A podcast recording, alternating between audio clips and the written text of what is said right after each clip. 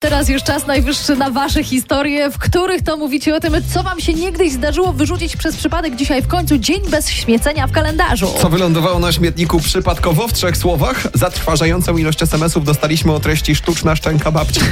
No, zawsze się mówi babci.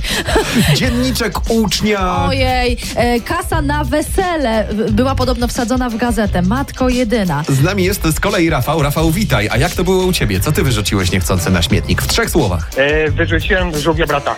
Wyrzuciłem żółwia Żółwia brata. Trzy słowa Tak. są.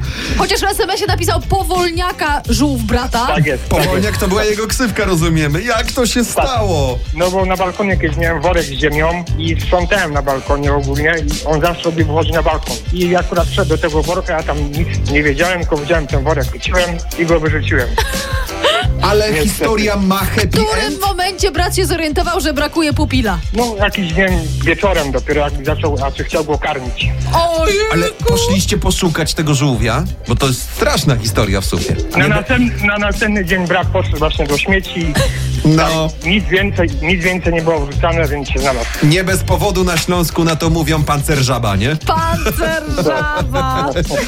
Twardy, Dokładnie. twardy przeżył, no i ważne, że to się wszystko pięknie skończyło, ale to w sumie też dzięki tej historii od nas dostajesz dzisiaj głośną ekotorbę z głośnikiem na bluetooth, bawką i oczywiście gadżetami w ekotorbie. Gratulacje, Rafał. Gratulacje! Dzięki bardzo, dziękuję bardzo, dzięki, dzięki. e, Mie- Miejmy nadzieję, że y, kurier z prezentami dotrze do ciebie szybciej niż powolniak.